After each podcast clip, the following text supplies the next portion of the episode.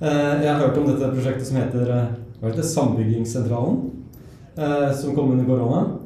Og jeg kjenner bare til det som at dere lagde masse ansiktsmasker, og jeg har sett noen bilder fra noen fabrikklokaler hvor det sto montert og sånn. Så bare fortell meg, hvordan begynte dere? Ja, og hva skjedde? Ja, sant? For det som, var, det som, var, det som var, måte skjedde der, sånn, var jo sant, at du hadde en ekstrem oppsving i innlagte pasienter. Det er vanskelig å tenke på når du sitter her nå, liksom, men på en måte hvor kritisk dette her var på det tidspunktet. Da. Og spesielt på sykehjem. Ikke sant, at det var ekstremt mange De hadde jo ikke beskyttelsesutstyr. De var nederst på prioriteringslista. Ja, dette er helt i begynnelsen av koronatiden. Ja, ikke sant? Du så bare caseloaden gikk oppover, og alt av transport inn og ut av Norge stoppa. Ja. Ikke sant? Det var bom stopp på lastebiler, skip, fly. Ingenting kom inn og ut. Um, og da var det på en måte en del entusiast. Folk som sitter hjemme med 3D-printer, de er for ofte gira på å bidra. De sitter der med maskiner og bare «Ah, Shit, kan vi gjøre noe fett liksom, med dette her? Og begynte å lage de ansiktsmaskene.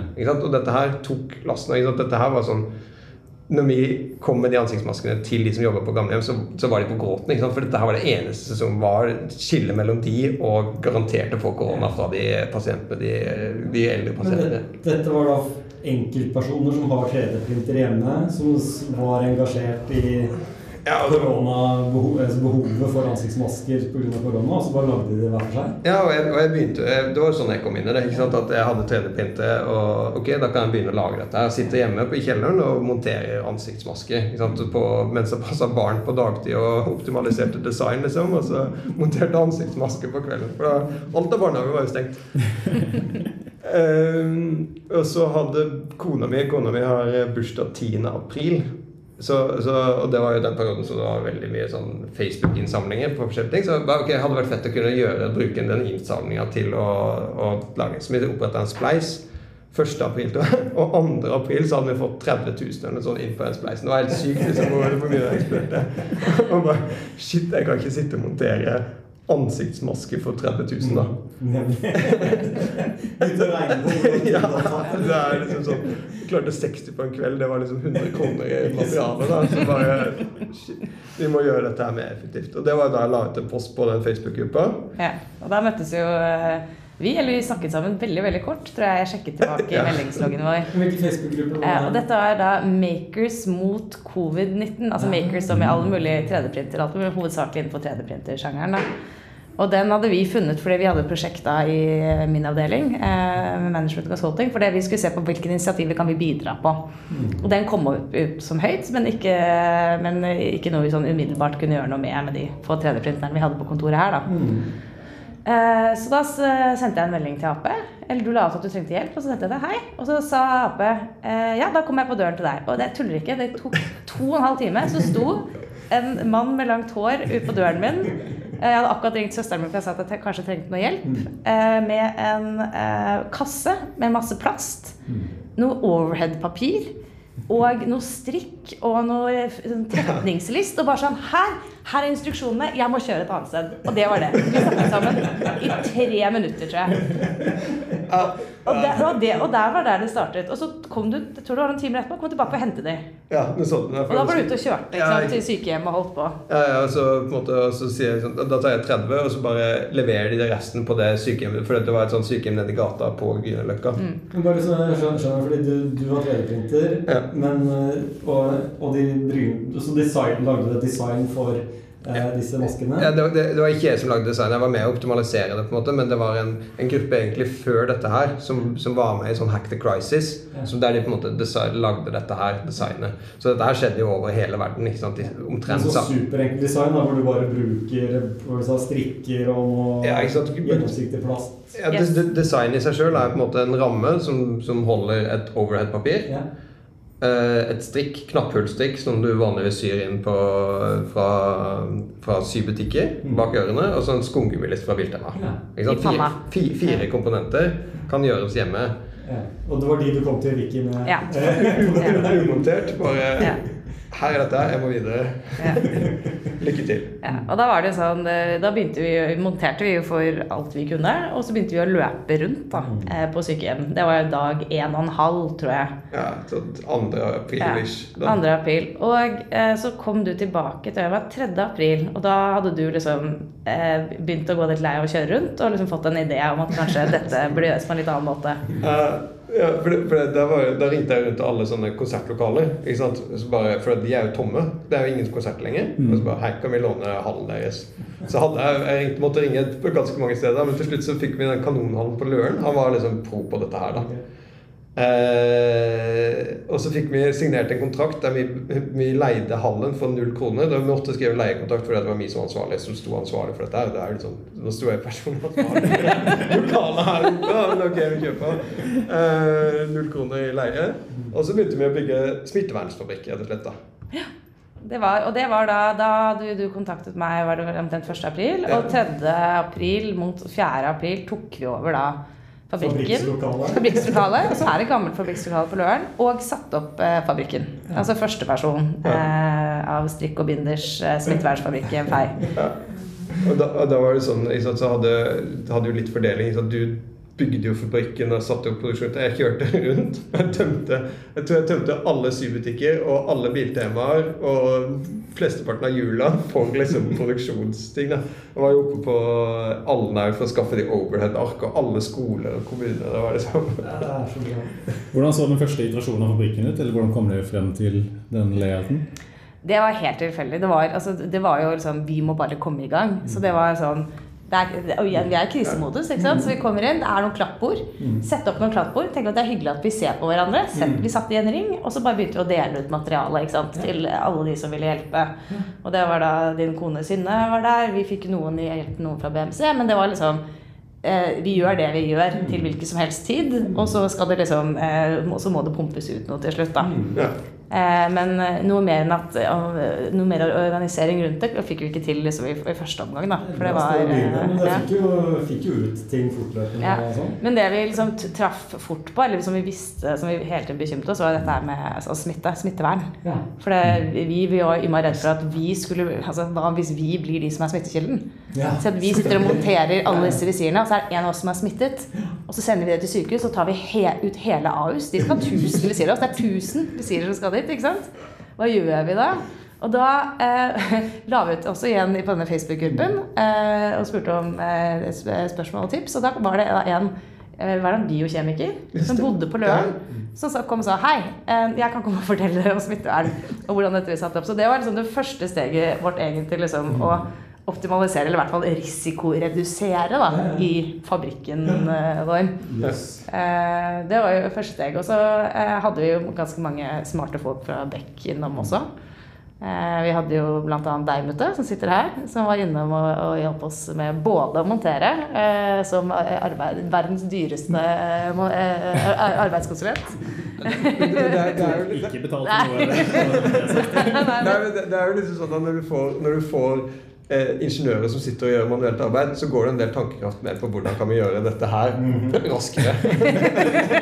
Men det er liksom sånn der så, så det ble jo eh, veldig fort et samlebånd. Eller på en måte i den forstand at du hadde stasjoner der du på en måte Én En satt og klippa hull i overhead-arkene, en satt og klippa strikk i riktig lengde, en satt og monterte strikkene på, en pakka de eh, det her er også. Ja, så jeg må du fortelle litt Ja. hva hvordan din opplevelse var i å komme inn i dette her. Ja, fordi jeg husker Det var da påskeferien begynte å komme. Jeg begynte å lure på hva jeg skulle gjøre i påsken, for jeg kunne ikke reise noen steder. Så snakka jeg med deg, tror jeg, og fant at dette var kult å være med på. Jeg tror jeg klarte én dag med eh, måte, den oppgaven som jeg fikk fra dere, om å montere eh, et sånt visir fra ende til ende. Og det eh, før det, måte, tankene gikk på kvelden på hvordan skal vi optimalisere den prosessen her. Og eh, det var egentlig ganske mange sånne enkle steg som var interessante. Da, fordi vi fant ut at du trenger vaske visirene. eh, Eller på en måte de der 3D-printa på en måte stackene. Så trenger du bryte opp de stackene. Og så trenger du å klippe knappehuls eh, måte strikk i riktig lengde. Så trenger du eh, sette hull på overhead-ark for at skal kunne monteres til rammen. Og så trenger vi også kutte av hjørnene på oversakene for at de skulle ikke stikke hull på liksom, lateksutstyret. Husk du husker godt, ass! Ja. Så jeg montere, klippe den, der, eh, den listen og montere den på innsiden av eh, rammen. Og så trenger vi legge i fem stacks inn i en sånn eh, ziplock-pose sammen med et instruksark og pakke det i en, eh, en sånn eske for distribusjon. da. Så det var egentlig ganske åpenbart først at det var ikke noe vits at man skulle vertikalt integrere hele dette med at eh, alle skulle gjøre alt.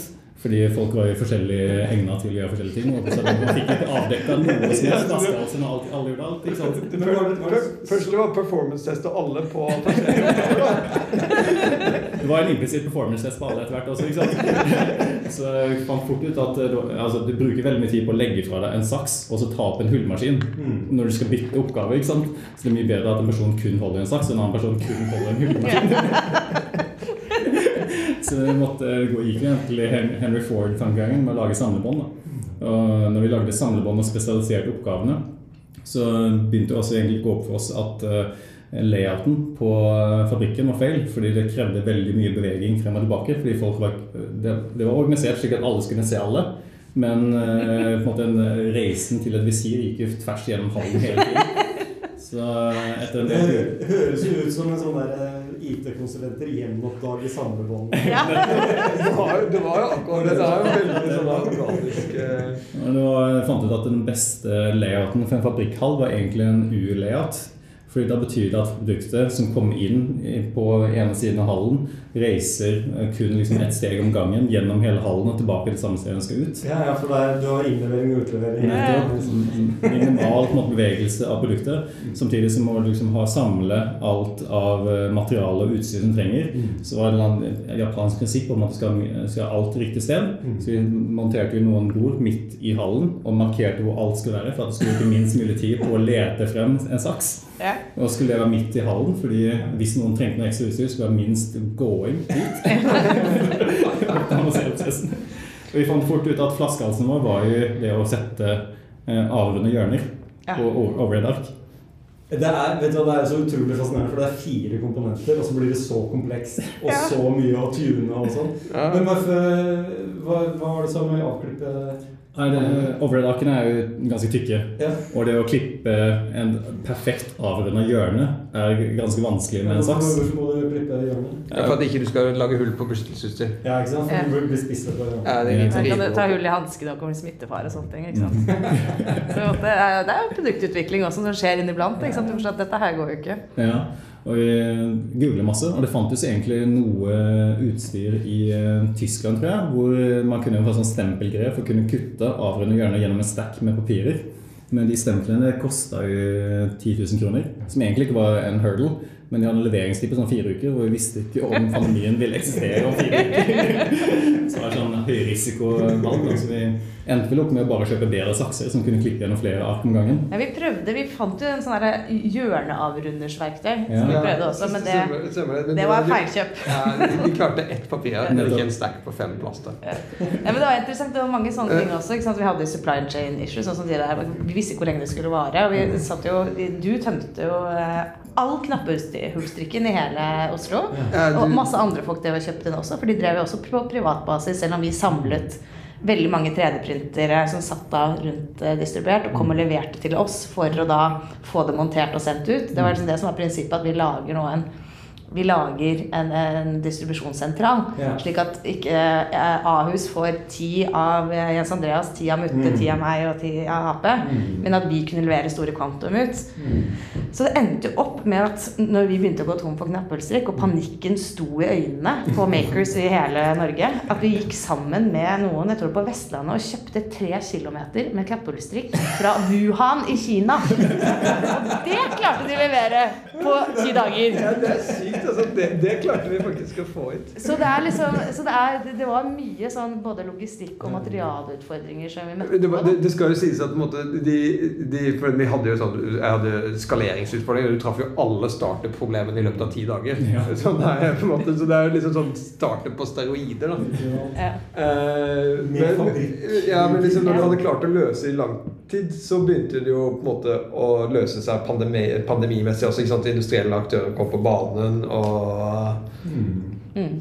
Men eh, det er liksom, det er innmari fascinerende sånn sett utenfra. Hvis dere skulle planlagt på forhånd, hvis dere liksom ikke hadde hatt så dårlig tid, men skulle planlagt på forhånd, har vært noe å hente på det? Tror dere? Var dette, er dette liksom så nær optimalt som Altså by, bare begynne, og så iterere og forbedre, eller hadde det vært Jeg, jeg, tror ikke, jeg tror ikke du hadde fått et, måte, kommet Jeg tror du hadde kommet seinere til et optimalt resultat. Ja. Hvis du hadde på en måte prøvd å tenke deg til det. Ikke sant? Brukt tre måneder på, å lage- på å lage dette her. Mm. Kom mye raskere frem bare ved å starte, komme i gang. starte ikke sant? På fjerde dagen så er du i gang med å klippe.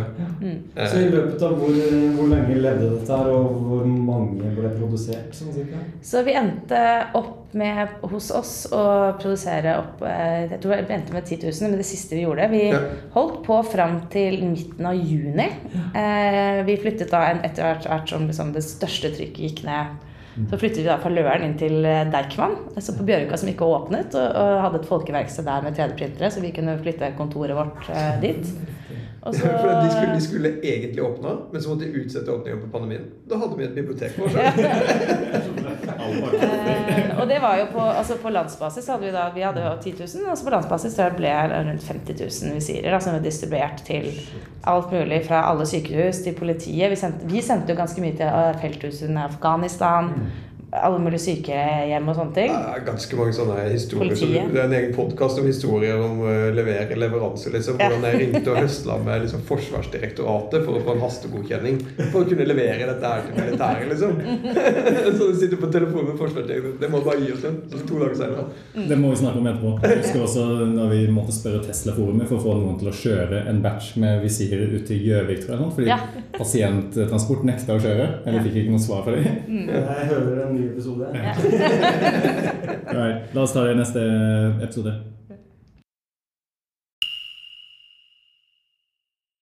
Drypp er en lavterskelpodkast fra Beck, hvor vi diskuterer diverse temaer som interesserer oss. Og hvis du har et tema som du har lyst til at vi skal snakke om, eller du vil være med på en innspilling, ta kontakt på drypp.beck.no.